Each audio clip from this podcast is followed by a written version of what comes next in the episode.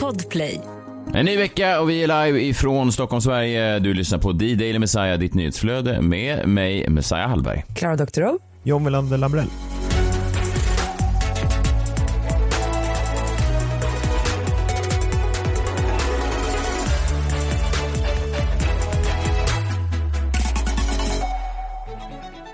Hoppas ni har haft en eh, bra helg alla kära eh, lyssnare. Kära lyssnare. Är det jag som plingar? Nej, det var jag. Jag hade ljudet på min Det dator. var du som plingar. Det var jag som plingade. Hoppas att alla som lyssnar har stängt av sina ljud så att vi slipper fler sådana här eh, plingar. Eller det påverkar egentligen inte om de har... De, ni, nej, vet du vad? Ni kan ha på era datorer, det stör faktiskt inte mig alls om det plingar hemma hos er, trots eh, att det är live. Vi ska vara tydliga med att Omar Rudberg, ni vet, han är för bra för Mello, eh, men det visar sig att han nu inte är för bra för The Tonight Show med Jimmy Fallon. Han och Edvin Ryding då från Young Royals, som ska gästa eh, den 15 december här i veckan. Jaha, stort ju. Ja, verkligen. Alltså att gå från att vara för bra för Mello till att då få vara med hos Jimmy Fallon är ändå ett, ett ganska stort steg och, och kanske då snarare bygger hans tes att han var för bra för Mello. Ja, verkligen. Ja, det är ju vatten på kvarnen. Så är det ju Ja. verkligen. Ja, Alltså det vore ju intressant om han sjöng den där låten som var för bra för Mellon live på Jimmy Fallon och se om den blir liksom en succé i USA. det är så svårt att avgöra också på Jimmy Fallon för de är på helt rätt ställe. Jimmy Fallon är ju då kanske den sämsta av alla de här talkshow-världarna. Han skrattar ju, man kan ju inte se ett klipp med honom utan att han skrattar hysteriskt åt oavsett vem som är där. Även erkänt tråkiga människor som, som är i studion där får ju lika mycket skratt ändå av Jimmy Fallon. Så att jag tror att det är svårt att avgöra om han då så att säga, om låten skulle vara för bra även för Jimmy, alltså förstår du menar? För att allting verkar vara precis lagom bra för, hos Jimmy Fallon. Men det är konstigt om man skrattar åt en låt. Som är roligt med. Ja, ja, fast det är väl det finaste betyg man kan få tror jag hos Fallon. Att den var för rolig för Mellon. Det är det som var problemet. Ja, ja jag, jag vet inte. Jag hoppas ni har haft en eh, sparsam helg just när man trodde att den här jävla covid-kurvan, att man aldrig mer skulle höra prat om kurvor så höll ju då eh, regeringen en presskonferens i fredags. Därför så kommer vi fortsätta hålla i den nationella kampanjen om att spara el. Varje kilowattimme räknas. Vi behöver fortsätta platta ut och plana ut den här kurvan. Otroligt. En ny kurva. Precis som den gamla hade lagt så hittar de på en ny jävla... alla kurvor vara. Måste alla kurvor plattas ut? Man har ju aldrig tänkt på en kurva innan 2020 och nu är det fan det enda man hör i olika kurvor. Och varför måste de plattas ut? Man, man vet nu när de börjar prata om kurva. Jag menar att det är jävelskap när kurvor ska plattas ut. Det är aldrig något positivt. Nej. Alltså, det är aldrig så. Det är aldrig när man går in på banken och säger så här, ditt företags intäkter här, de har, kurvan har plattats ut något enormt, nästan så att den har gått slagit över och gått inverterats och gått bakåt. det är Nu ju går inte det bra. neråt, äntligen. Nu kan du släppa på alla restriktioner. Jag hoppas att ni har haft en sparsam helg. Jag tänkte på dig, eh, med dig där John, du är ju kanske, man kan ju skoja lite ibland om ditt leverne och så men, men, men du är kanske en av de mest sparsamma elanvändarna vi har i land. Du är ju vaken så väldigt lite tid på dygnet. Så, så det borde ju vara, eller hur? Ja. Jaha, vad menas med det? Ja, men det är bra. Att det är bra, alltså att du är en av föregångarna så att Ebba Busch skulle kunna visa upp dig på en presskonferens när det handlar om att plana ut kurvor och säga bara, vi har en man här från John från Stockholm som, som bara använder el fyra timmar om dagen. Då använder han den sen jättemycket. Det är bakmaskiner igång och det är Uber som går åt alla möjliga håll. Resten av tiden är en ide. Jo, fast det är ju på, oftast på kvällstid och natten. Det är väl då, är inte elen billigare då? Ja. jo, Och det är jo, lägre precis. Ja, det är belastning också- på nätet. Det är väl bra om hälften av svenskarna är uppe på nätterna då, som du. Så att det är ju fint. Det det jag vill säga att du, att du är en förebild John. Ja, det Tack. kommer platta ut Ja. Ja, kurvan. skönt att höra. Jag gör mitt för att platta ut kurvan. Ja, det gör du verkligen. Du sover dig igenom elkrisen. Ja, ja. Nej, men jag bara säga, om fler levde som dig och min dvärghamster eh, herr Muffin så skulle väldigt få vakna timmar och det är alltid nattetid. Det är ju optimalt alltså. Fan döpa Ja. en hamster till herr Muffin. det är nästan eh, sexuellt. Eh, nej, det är det inte. Jag tror att du får, du får googla här Muffin när den här inspelningen är slut. Får se. Det är ingen Jag är glad att du porrkod, jag lova. dina barn till det i alla fall. Dvärghamster är väl mer Ja, okej. Jag, jag tror att ni båda får googla det efteråt. Klassisk VM-match i fredags. Argentina eh, mot eh, Nederländerna. Holland får man inte säga längre. Jag vet inte om det är någon, är någon eh, alltså om de blir upprörda, om det är något sånt. Jag vet inte ens varför man slutar säga det. Är alltså är det inte politiskt korrekt att säga Holland? Ja, jag struntar med Nederländerna, eh, Argentina. Klassisk VM-match. Eh, otroligt eh, dramatisk. Eh, Erik Niva som du pratade om i eh, fredags, John, han eh, skrev ju direkt och eh, Ja, nu kan man väl säga då kanske att vargen då till slut kom, eller du hade en tes om att han eh, överdrev så mycket i sina krönikor, att man sen när det verkligen hände någonting som var stort på riktigt så fanns det inga ord eh, kvar. Erik Niva skrev här nu om Argentina-Holland. Eh, större än ord, större än verkligheten. Vart tar vi vägen när vi inte vet vart vi varit? Jag vet inte ens vad det betyder, men... eh, Vad fan är det som händer? vart tar vi vägen när vi inte vet vart vi har varit? Ja, vad ska vi skriva när vi knappt vet vad som har hänt? Argentina har vunnit en fotbollsmatch som var större än ord, större än känslor, större än verkligheten. Ja, ja. Nej, det där är väl också vatten på din kvarn kanske. Jag Nej, men det jag inte förstår är, han verkar liksom förvånad varje gång ett lag vinner en fotbollsmatch. Det är som att han på, innan matchen startar så kan han liksom inte se framför sig att någon kommer att vinna den här matchen. Alltså för honom känns det otänkbart. Och när någon sedan gör det så är det som att hela hans liksom världsbild ställs på ända. Jo, ja, jo visst. Fast, fast nu är det väl då lite som, som någon skrev till oss på, på Instagram, att nu kanske då faktiskt, om man, inom fotbollskretsar i alla fall, nu kanske faktiskt vargen kom då. Det här var väl faktiskt ändå en historisk match som faktiskt krävde eh, kanske överord i en krönika. Problemet är väl att han är lika uppspelt när Japan spelar 0-0 mot liksom Costa Rica. Att, att, att även då vet vi inte var vi, var vi har varit eller vart vi befinner oss eller det finns inga ord. Alltså att det är väl det, ja, det är väl det spektrat som Ville han ge någon annan spelare utmärkelsen årets bästa spelare nu eller kan det stå kvar hos den här Saudiaraben som gjorde en bra match som mittback? ja, det. Sen var det England åkte ut i lördags. Det var väl otroligt skönt. Det kändes väl lite som du sa John, att det var nästan det enda viktiga med det här världsmästerskapet var att England då inte gick hela vägen.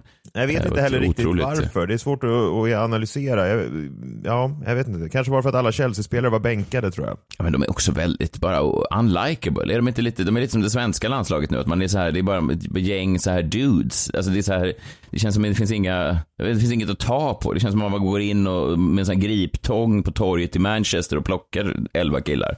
Alltså att det, det, det, nej men, det är liksom ingen, jag vet det finns ingen star quality i det där jävla laget. Jag tycker de är ointressanta. De är bara ett gäng lads som råkar vara bra på fotboll. Man vill ha lite mer, uh, Det är, lite mer det är som Häcken Ja. eller? Ja, exakt. Det var precis som BK Häcken. Fast lite bättre kanske. Lite bättre. Sen ska jag vara faktiskt väldigt försiktig här. Eh, Jag vet inte om ni har hängt med den här historien kring hon Linda Staff, hon som är underrättelsechef på polisens nationella operativa avdelning.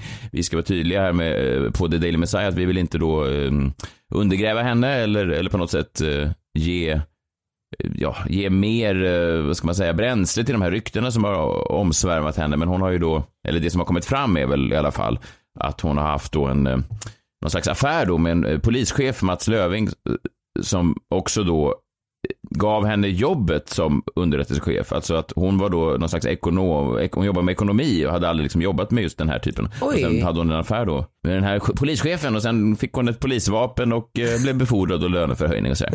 Ja, det, det, är väl, det är väl vad det är. Eh, hon säger att det är en smutskastningskampanj och att folk är rädda för starka kvinnor och så. Och så kan det mycket väl vara. Hon talar ut med Dagens Nyheter, så det kan mycket vara. Eh, sen har hon ju då, det här talar ju inte då i hennes case kanske, det är att hon samtidigt då, eller numera då haft en affär, i alla fall enligt den mycket eh, hedervärda eh, tidningen Stoppa pressarna, att hon då var ÖBns, alltså Mikael Bydéns, så att säga, andra kvinna då också. Stoppa pressarna skrev så här, Stoppa pressarna har redogjort för ÖBns Mikael Bydéns svekfulla beteende gentemot sin hustru. Efter 33 år tillsammans valde den pilska generalen att skaffa en älskarinna. Man får säga vad man vill om Daniel Nylén, men han är skicklig på de där, den där typen av artiklar. Ja, ja, nej, men det, det är bara snopet när man råkar hamna i två sådana här. Det är lite som den här staircase-mördaren, att han har råkat befinna sig alltså, precis nedanför en trappa där två döda kvinnor råkar ha trillat ner. Alltså, det är inte säkert att någonting hör samman med varandra, men det är bara olyckliga omständigheter att det händer två gånger. Det är jobbigt ju när sånt händer. Eller hur? Ett barn påstår att man har slagit det en gång. Det kan ju vara en, eh, man vet ju att barn ljuger, men om det börjar komma flera barn som säger det var han, det var han, mannen i parken med rocken. Då är det ju fler då som målar upp någon slags bild av en. Men det de har gemensamt då, eh, den här eh, Linda Staff hette hon va? Mm, Eh, Och eh, Staircase-mördaren, det är väl att de ändå är så pass smarta. De har ju fått ut någonting av det. Kommer ganska långt. Ja, Nej, i och för sig, här Staircase-mördaren hamnade väl i finkan till slut, men jag är inte Jag jättelångt. vet inte om hans liv blev så mycket bättre, men... alltså. Ja, och du kallar honom staircase-mördaren också, han kom ju faktiskt ut, han blev ju släppt. ja exakt. Och, Och domen eh, blev uppriven, så att han är ju inte ja. staircase-mördaren. Nej, och han är inte dömd för det första dödsfallet heller. Och hon Linda, hon har tjänat massa Nej. pengar under tiden. Hon får haft ett vapen, bara det. Ja, bara det. Nej, hon är ju säkert kanon och hon är säkert en av de bättre underrättelsecheferna på polisens nationella operativa avdelning, så jag vill verkligen inte vara eh, svartmåla henne. Hon är säkert kanon. Jag vet inte liksom vad som, som ligger då, vad är sanningen här, men det som ligger henne lite i fatet är att han Mats Löving då, den andra polischefen, han ser så extremt mycket ut som en man som har utnyttjat sin position för att få ligga. Det talar inte, det, det talar inte till hennes fördel att han ser ut precis, han påminner om Svennis. Att fort man hörde någon affär kring Svennis så tänkte man, jag tror nog att de här kvinnorna, alltså att, förstår Bella, att vissa ja. män bara har en sån, man kan tänka sig att folk hittar på sådana här rykten kring typ, du vet, Robbie Williams eller så här, Enrique Iglesias. Men att så här, de skulle hitta på sådana här rykten kring Mats Löving som är någon sån bedagad polischef. Det är liksom, jag vet inte, mer orimligt på något sätt. Det säger också någonting om min ålder att jag ville snabbt ha två, eh, två snygga killar som är på gång och valde då Robbie Williams och Enrique Iglesias. Men det, det talar om att jag har varit nerfrusen kanske sedan 99 eller någonting. Men ja. Det kanske kommit andra snygga killar sedan dess. De är väl fortfarande snygga? Ja, ja visst. Kanske att då Omar Rudberg och Evi Ryding är liksom ja. mer eh, ja, det top of mind. Enrique Iglesias. Ingen har sagt hans namn på 25 år. Jag hade glömt bort. Det är ändå bättre än att du sa Julio Iglesias. jag tänkte Julio först, men jag var lite fast som för gammal.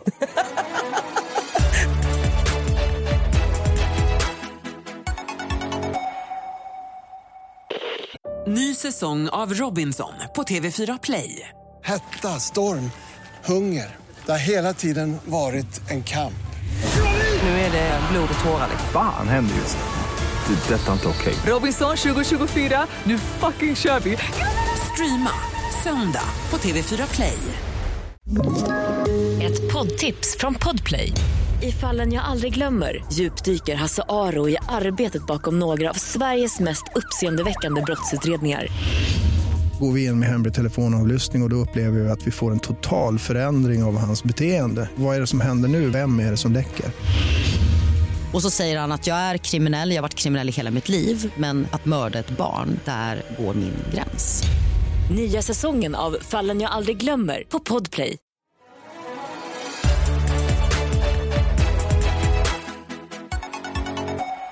Vi har fått in en ny uh, John Är du pepp? Ja, det är jag. Men samtidigt måste vi också snart ja. börja avrunda. Absolut, det är vi på gång att göra. Vi ska... Mello-inskicket har ju ett datum när det tar slut. Alltså, då ska, man kan väl inte skicka in låtar till Mello längre. Jag tänker att vi ska ha något liknande här. Ja, vi sa väl före jul, precis. gjorde vi inte det? Sen har inte Thomas Gesson eller Fredrik Kempe skickat in en jingel än, så vitt jag vet. Nej, men jag vet vem som har skickat in en jingel. Vi eftersökte ju en ny jingel och då har vi ju flera människor som som skickar in flera gånger och en av våra favoriter kanske, vår absoluta favorit, eh, Mr Winkfield. Han har nu skickat in ett fjärde bidrag. Han vill verkligen vinna. Han är som Gesson är för Mellon. Han är en, en ja. med i varje deltävling. Ja, och olyckligtvis för honom då har ju inte den här tävlingen samma status kanske i samhället. Men vad fan, man måste börja någonstans. Nej, men det hade inte Mellon första året heller. Nej, så är det.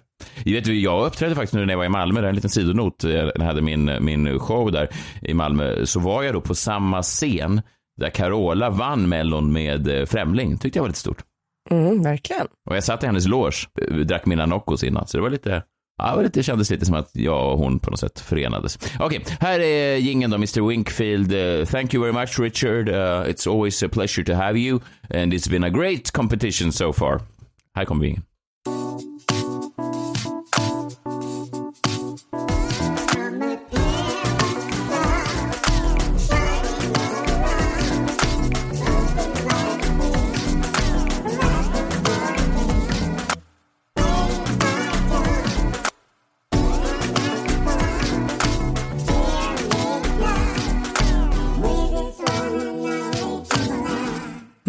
Inte vad han är musikproducent. Han är väldigt duktig Mr Winkwill. Han är kanske är den bästa av producenterna som skickar in. Men, men han har ju gjort någon liten grej där med ljudet så här, som, som Kanye brukar göra. Inga likheter med Kanye i övrigt. Eh, på sången då. Men texten var eh, From appearance to sound, shining all around. A most inviting thing, a raffle for a king, named by John in an attic found. Here he comes with his one and only Jombolo. ja, det, Ja, ja, ja. Var... Han fick med allting, att den hittades på vinden, att du kommer om och om igen och så vidare. Det är ju exakt det som vi vill försöka fånga. Ja, den går eh, faktiskt direkt till andra chansen. Oj, wow. Jaha. Det är ändå stort. Mm, kul. Eh, vad handlar Jombolan om idag då? Jag kollar på lappen här, det står Messiah borde flytta till Lycksele. Ja, helst inte om jag... Du kanske inte har haft en anledning hittills att vilja flytta till Lycksele kan jag tänka mig. Nej, väldigt få. Alltså nästan inga alls. Nej, men det är ju så att eh, för ditt förakt för vegetarisk mat vet ju, som vi alla känner till, inga gränser. Eh, det är ju lyssnarna väl bevandrade i vid det här laget, hoppas jag i alla fall. Alltså, eh, i 30 år har jag fått utstå hån från dig om att jag bara äter då kaninmat som du kallar det. Men Messiah har aldrig sett en grönsak. Han äter ju bara pepparkakor och pannkakor. Jag ska berätta vad som händer varje gång han ser en grönsak när han får det på tallriken, vilket är ju helt rimligt om man äter på restaurang eller egentligen någonstans. Då fotar han det och skickar till mig. Typ, det här skulle du gilla va?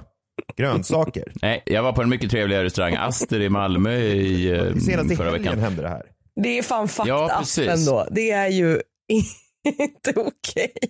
Det jag skrev till John var bara, det var en fantastisk lammfilé då som jag fick då på restaurang Aster som är otroligt trevlig första gången jag var där.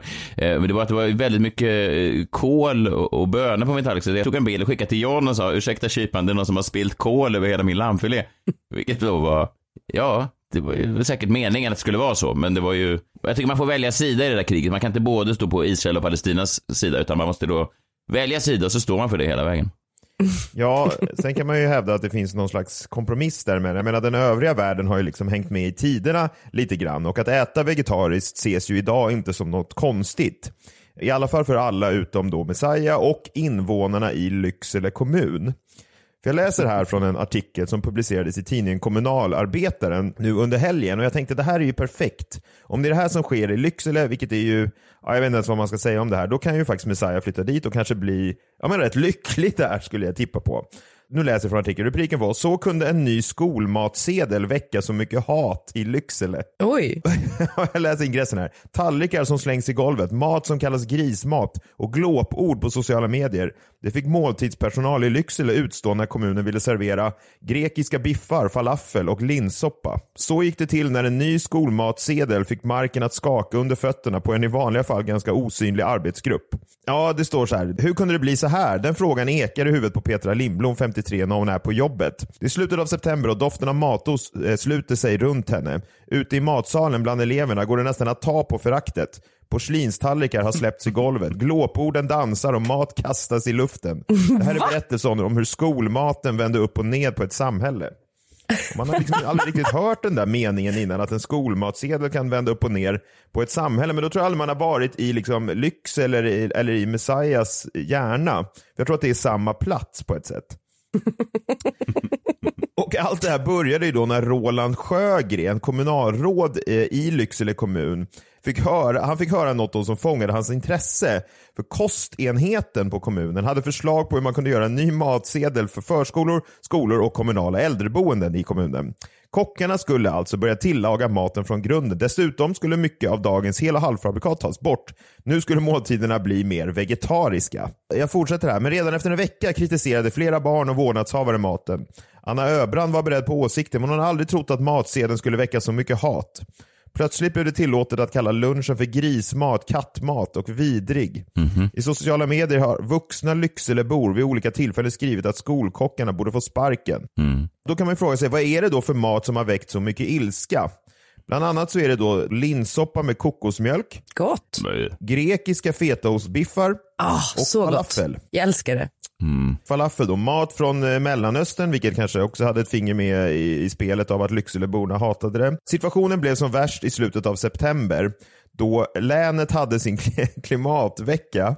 Och Då satsade man extra mycket på närproducerad och serverade bland annat lasagne med rotselleri, morot och picklade rotfrukter. Gjorde Va? ett spy, spyljud där då. Ja, och det var då som tallrikar och mat började slängas på golvet enligt personalen. och den här stackars då, människan som var ansvarig sa, jag försökte förklara att klimatveckan bara är en vecka. Men det dög inte, det kändes obehagligt. Ibland kändes det som att man jobbade på Kumlaanstalten. De hade en klimatvecka i Lycksele kommun och folk kunde då inte ens hålla tallrikarna på borden utan kastade dem i marken för att de blev så förbannade. Till slut gick det inte längre. Stämningen var alldeles för hotfull och aggressiv. Kostchefen på kommunen, Klaus... Förlåt. Kostchefen på kommunen, Klaus Dudenhöfer, tog det svåra beslutet att återgå till den gamla matsedeln. Vadå? Eh, inte ens en vecka? En vecka höll inte. Eh. Alla i Lycksele är eniga om en sak och det är att kostchefen på kommunen, Klaus Dudenhöfer, har fått ta den största smällen. Vissa dagar har han knappt gjort något annat än att svara på ilskna telefonsamtal från föräldrar och kommunbor. Artikeln slutar med att det finns ett före och ett efter dagen då den nya matsedeln infördes i Lycksele kommun. Kan inte tänka mig en bättre hemvist för en vegetarianhatare som Messiah än i Lycksele. Dit kan du flytta och trakassera den stackars Klaus Dudenhöfer på heltid. Så att jag slipper det. De är ju säkert kanon thaimat där uppe. Ja, det tycker de nog är okej, men det är väl det här med rotbiffar och falafel som de inte gillar då. Vilket är ju så här, vad Nej. fan är problemet? Verkligen, det där tycker jag, det står jag inte bakom. Jag tycker det är viktigt att kunna driva sin politiska fråga utan att ta till våld. Det har jag alltid sagt att vi måste parlamentariskt se till att ändra samhället och förbjuda eh, vegetarianism. Alltså i, i, inte ta till våld och det är väl det som jag och mina partikamrater har länge försökt hävda just att det finns ju de här vildsinta. Vad är det här för parti? vi, vi, vi kallar oss biffarna. Eh, men Inte fetaostbiffar då? Nej, men vi tar ju verkligen avstånd från alla former av sådana våldsamma upplopp och sånt där. Utan vi, vi försöker göra det parlamentariskt såklart. Och det är därför vi hoppas mycket nu när vi har fått in Martin Melin i riksdagen. Att han ska ta, ta vid den här frågan. Och Vad han är hatar det också. han? Jag trodde det var polisgrejer han skulle... Det som en trojansk häst ni har fått in där? Ja, det är det faktiskt. Många vet inte om det. Han ska börja lite med utlandsfrågor, men sen kommer han snabbt gå på... ja, Han börjar väl att förändra matschemat inne i riksdagen tror jag. Sen så jobbar han sig ut. Ja, men jag står i alla fall bakom och kommer rösta på er främsta oppositionspolitiker, Klaus Dudenhöfer. Ja, han är ett sista hopp.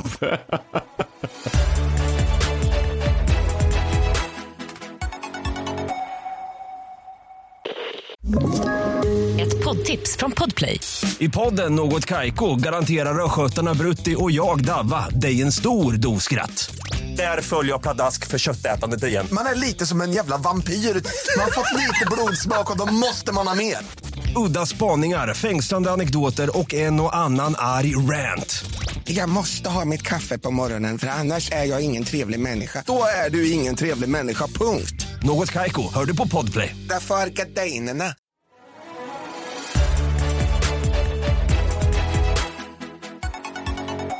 Nu är det dags, eh, alla barn, att samla er framför radioapparaterna. Nu är det dags för den årliga julkalendern som eh, vi i The Daily Messiah har utformat på ett lite speciellt sätt. Det är vår eh, stjärnreporter Klara Doktorov som långsamt äter sig igenom världen.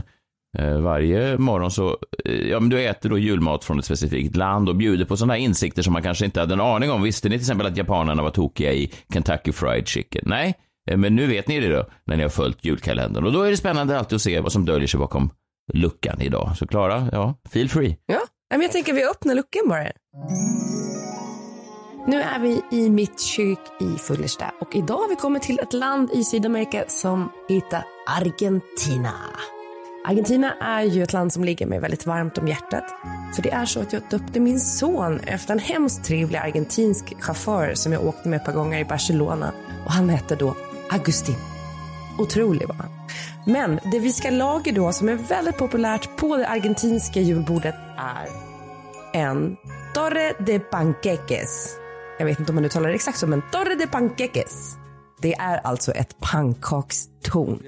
Och pannkakstornet eh, det gör man genom att grädda pannkakor, typ som man gör, klassiska sättet.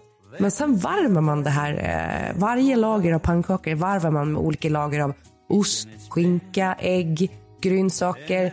Det kan vara krispig sallad. Och sen får man liksom som en smörgåstårta fast det är en pannkakstårta. Och det här äter då argentinarna på julafton som tradition. Men vi sätter igång och lagar då.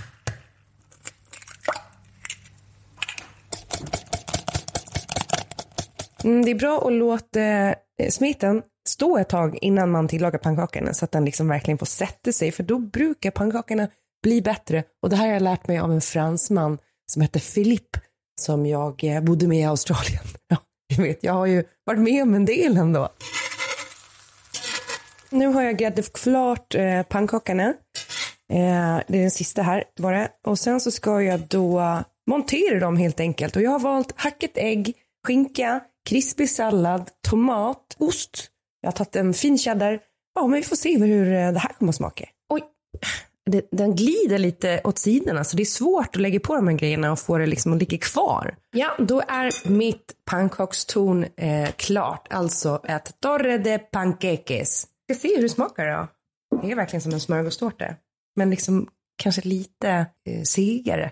Jag skulle kanske ha skit i äggen. Men det var ganska gott med sallad på pannkaka. Oväntat gott. Den här får tummen upp. Jag kommer aldrig att göra den själv på julafton, men, men det var faktiskt gott. Stort tack Argentina och Augustin.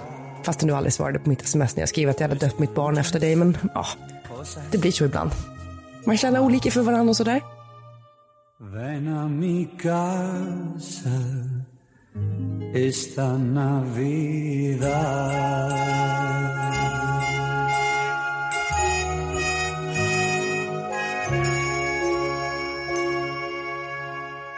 I Argentina då så äter man pannkakstorn på julafton.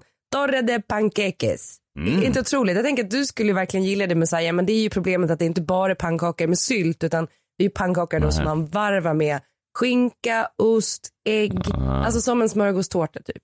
Eh, Så det blir inte Mm, riktigt. Jag misstänker att det är någon, eh, det är någon störig fru som står där i bakgrunden och säger att man ska inte bara äta sötsaker på pannkakor. Så är min, eh, min fru och alltid när, jag, när hon kommer hem och jag står med laggen i högsta hugg och hon ser att det är pannkakor då så frågar de barnen och de, de vägrar att ljuga. De säger så här, fick ni först någon måltid då innan Innan ni gick på sylten och glassen och chokladsåsen och sådär.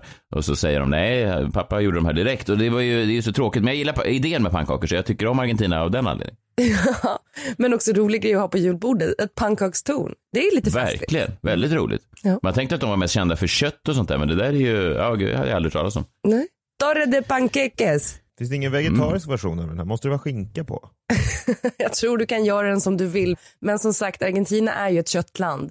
Så att det, där får man nog en sko i huvudet om man ber om en vegetarisk eh, torre de panqueques. Klaus Dudenhöfer är också portad från Argentina tror jag. Var det tack vare kopplingarna till nazisterna under 40-talet? Ja, eller kostpolitiken i Lycksele.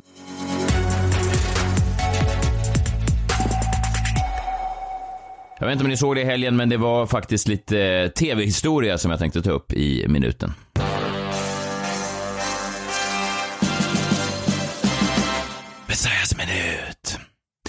Ja, jag vet inte om ni är eh, Robinson-fantaster, tv-programmet Robinson. Det känns ju lite som att det har gått, eh, ja men det har ju gått så jäkla många år sedan. Man har ju lite tappat hoppet. Sen började jag kolla igen då när jag hade en kompis som var med då för två år sedan. Ja, det är, ni vet konceptet. Folk är på en öde ö, det är öråd, man röstas ut och så vidare och så vidare. Konceptet känner alla till. Men det var ju faktiskt eh, otroligt spännande för, för det här programmet är ju så formatiserat nu så att när folk är med så börjar man ju prata pakter och sånt där. Alltså det som i början kanske skedde mer växte fram Naturligt kommer ju folk då till ön med avsikten att de vet hur det funkar. Alltså de vet ju om att det är tv-program och allt sånt där sker ju mer och mer planlagt liksom att folk ganska snabbt sätter sig i olika pakter. Det finns inte så mycket naturligt som sker längre utan allt är ju uttänkt redan. Kanske när de sätter sin fot på ön. Eh, men det som hände i helgen var någonting som jag aldrig sett förut. Jag måste försöka förklara det här snabbt för er John och Klara som inte har sett det då. Men det är en kvinna som heter Helen som vinner alla tävlingar. De andra vill ha ut henne. Okej, så eh, är ni med? Helen, kvinna som folk vill ha ut. Mm. Hon åker till ett annat ställe som heter Gränslandet. Hon kommer tillbaka, hon röstas ut, hon kommer tillbaka. Hon är liksom, hon är, de jämför henne med en katt. Hon är omöjlig att få ut. Liksom. När hon är då i det här andra gränslandet, när hon inte ser vad som händer på huvudön, då är det så att eh, en av de här andra killarna, Alex, han vinner en halsförgörare, alltså ett litet halsband som han har då, som han när som helst under säsongen kan använda för att eh, ja, ta död på en immunitet under ett öråd. Det vill säga att om någon sitter där och säger så här, aha, jag är immun, ni kan inte rösta på mig. Aha, då plockar Alex fram det här lilla halsbandet och säger, eh, ja, den här visste du inte om. Var får de allt ifrån? Då kommer Helen tillbaka en, en tredje gång och då är det öråd i helgen och då, precis då innan de ska rösta, Helen sitter där helt ovetandes om att en av de här andra killarna har en sån där förgörare. Hon är immun igen för hon har vunnit en tävling. Väldigt spännande, så här lät det. Jag har en sak jag vill yttra. Vad vill du säga? Eh, det var så här att eh, vi hade en tävling på stranden eh, där man kunde vinna en liten låda med innehåll. I den här lådan så fanns det en immunitetsförstörare eh, Eh, och det var jag, Alexander och eh, Andreas som vann den. Så den har vi tänkt spela idag och tyvärr Helene så kommer den hamna på dig. Precis, det är några grabbar, de har gått ihop här. Nu ska Helen ut och då avslöjar de precis innan då när Helen kände sig säker så sa de nu har vi den här förgöraren, den ska nu användas. Och det som också hade hänt precis innan här, det var att Alex hade nu, eh, återigen, ni vet inte vilka de här människorna är, men Alex hade, han hade hållit den här i flera veckor, hade han hållit det här lilla halsbandet då genom regnstormar, monsunregn och eh, krypa genom sand och allting, så hade han liksom hållit fast i det här halsbandet. Precis innan örådet så gav han det till en annan kille som heter Kristoffer. För Kristoffer var osäker på att, eh, fan, det kanske, det kanske jag, det, ni kanske kommer fula ut mig på något sätt. Skulle ni kunna göra mig trygg genom att ge mig det här, det här armbandet, det här halsbandet? Ja, Alex ger det då efter tre veckor till Kristoffer och Kristoffer är då den som säger att nu du Helen, nu ryker du. Eh, sen börjar då Kristoffer eh, känna efter i sin eh, ficka efter någonting och då, ja, det är då det händer någonting som jag faktiskt aldrig sett tidigare i, en svensk doppis. Det har skett någonting då med det här, med det här magiska halsbandet på vägen. Det blir så att säga riktigt på ett sätt som det sällan blir längre i, i Robinson. Så här lät det då när när Kristoffer skulle plocka fram immunitetsförgöraren för att skicka ut Helen. Och jag har en sak här i fickan som ser ut så här. Eh, problemet är att den äkta immunitetsförhöraren som jag hade i min ficka, som det är hål i, som jag kan visa alla här om ni inte tror på mig, eh, har ramlat ut på vägen hit. Jag la den i min ficka och när vi satt och väntade så så har den ramlat ur min ficka. Så jag har knutit en egen här och jag hoppas att den funkar lika bra. Eh, det är mitt fel, jag, jag är bara en människa. Eh, men den har ramlat ur min ficka. Men Kristoffer, har du en immunitetsförgörare eller inte? Det har jag. Ja, vi har en. Ja, men visa upp den riktiga immunitetsförgöraren i sådana fall. Jag har inte den riktiga på Nej. mig för att den har ramlat ur min ficka. Mm. Som det är hål. Som jag Så du visar. har ingen immunitetsförgörare? Den ligger på stranden. Har du en immunitetsförgörare med dig till örådet eller inte? Jag har, det här är vad det jag har. Mm. Men det där är ju inte en immunitetsförgörare. Du har ingen immunitetsförgörare. är det svaret? Ja, nej, om jag har den på stranden för att den har ramlat ur min ficka som det är hål i, som jag har visat här nu flera gånger. Liksom. Eh, Så att, ja, Då går vi vidare till röstning. Är ni redo för det? det känns inte rätt. Liksom. Jag, ja, jag har sagt som det är och det, det känns för jävligt. Jag har lovat folk att jag skulle behålla den här immunitetsförstöraren och ta med mig den. Sen att det är hål i min ficka, det, ja, jag är en människa liksom. Vadå, hon blev räddad kvar igen då? Ja, och sen då så sker röstningen och, och då åker då hans bästa kompis ut som precis innan har delat med sig av sin immunitet till en annan för att rädda en annan kille. Så att han fuckar upp allting. Han är också så dum så att han avslöjar planen för då den här Helen som hon inte känner till. Han har också suttit hemma och, snickrat ihop ett eget immunitetsförgörararmband som han plockar upp. Och jag har den här. Så bara, fast det där är ju inte, nej den här gjorde jag nu i djungeln innan jag kom in.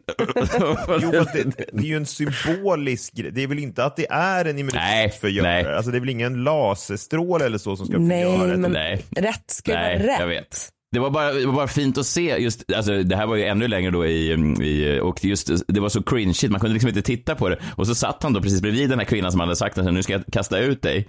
Men sen började han plocka upp det här egensydda armbandet.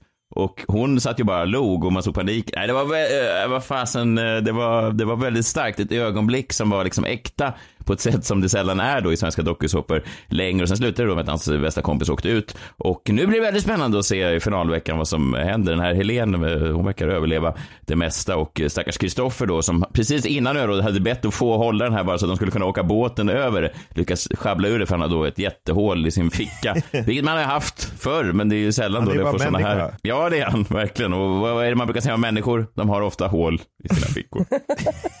Det här blev inte alls som det var tänkt. Jag är sjukt jävla ledsen när jag ber om ursäkt. Jag... Den låg verkligen i min ficka men den har ramlat ut på stranden så tyvärr.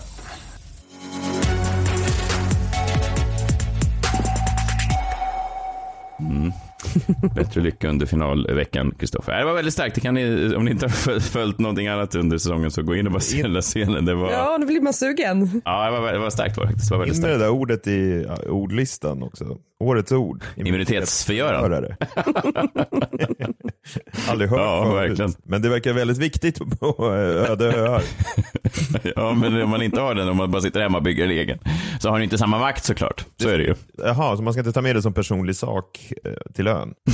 jo, det kanske man kan göra i och för sig. Ja, du menar det? Det är en immunitetsförgörare. Jaha. Det är en klassisk immunitetsförgörare som jag har suttit och snickrat hemma på. Ja. Man kanske bara ser att man får en godkänd av programledaren innan man går med i tävlingen. Antar jag, det är väl det som, det är väl det som gäller. Eh, vi är tillbaka imorgon om ingen hinner eh, plocka fram en immunitetsförgörare innan dess. Eh, 05.00 hör oss då. Eh, ta hand om er själva och eh, varandra. Vi hörs sen. Hej! Hej! Hej!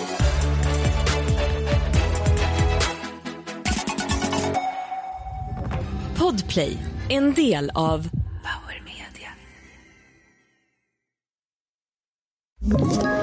Ett poddtips från Podplay. I podden Något Kaiko garanterar östgötarna Brutti och jag, Davva, dig en stor dos skratt. Där följer jag pladask för köttätandet igen. Man är lite som en jävla vampyr. Man har fått lite blodsmak och då måste man ha mer. Udda spaningar, fängslande anekdoter och en och annan arg rant. Jag måste ha mitt kaffe på morgonen för annars är jag ingen trevlig människa. Då är du ingen trevlig människa, punkt. Något Kaiko, hör du på Podplay. Därför arkadeinerna.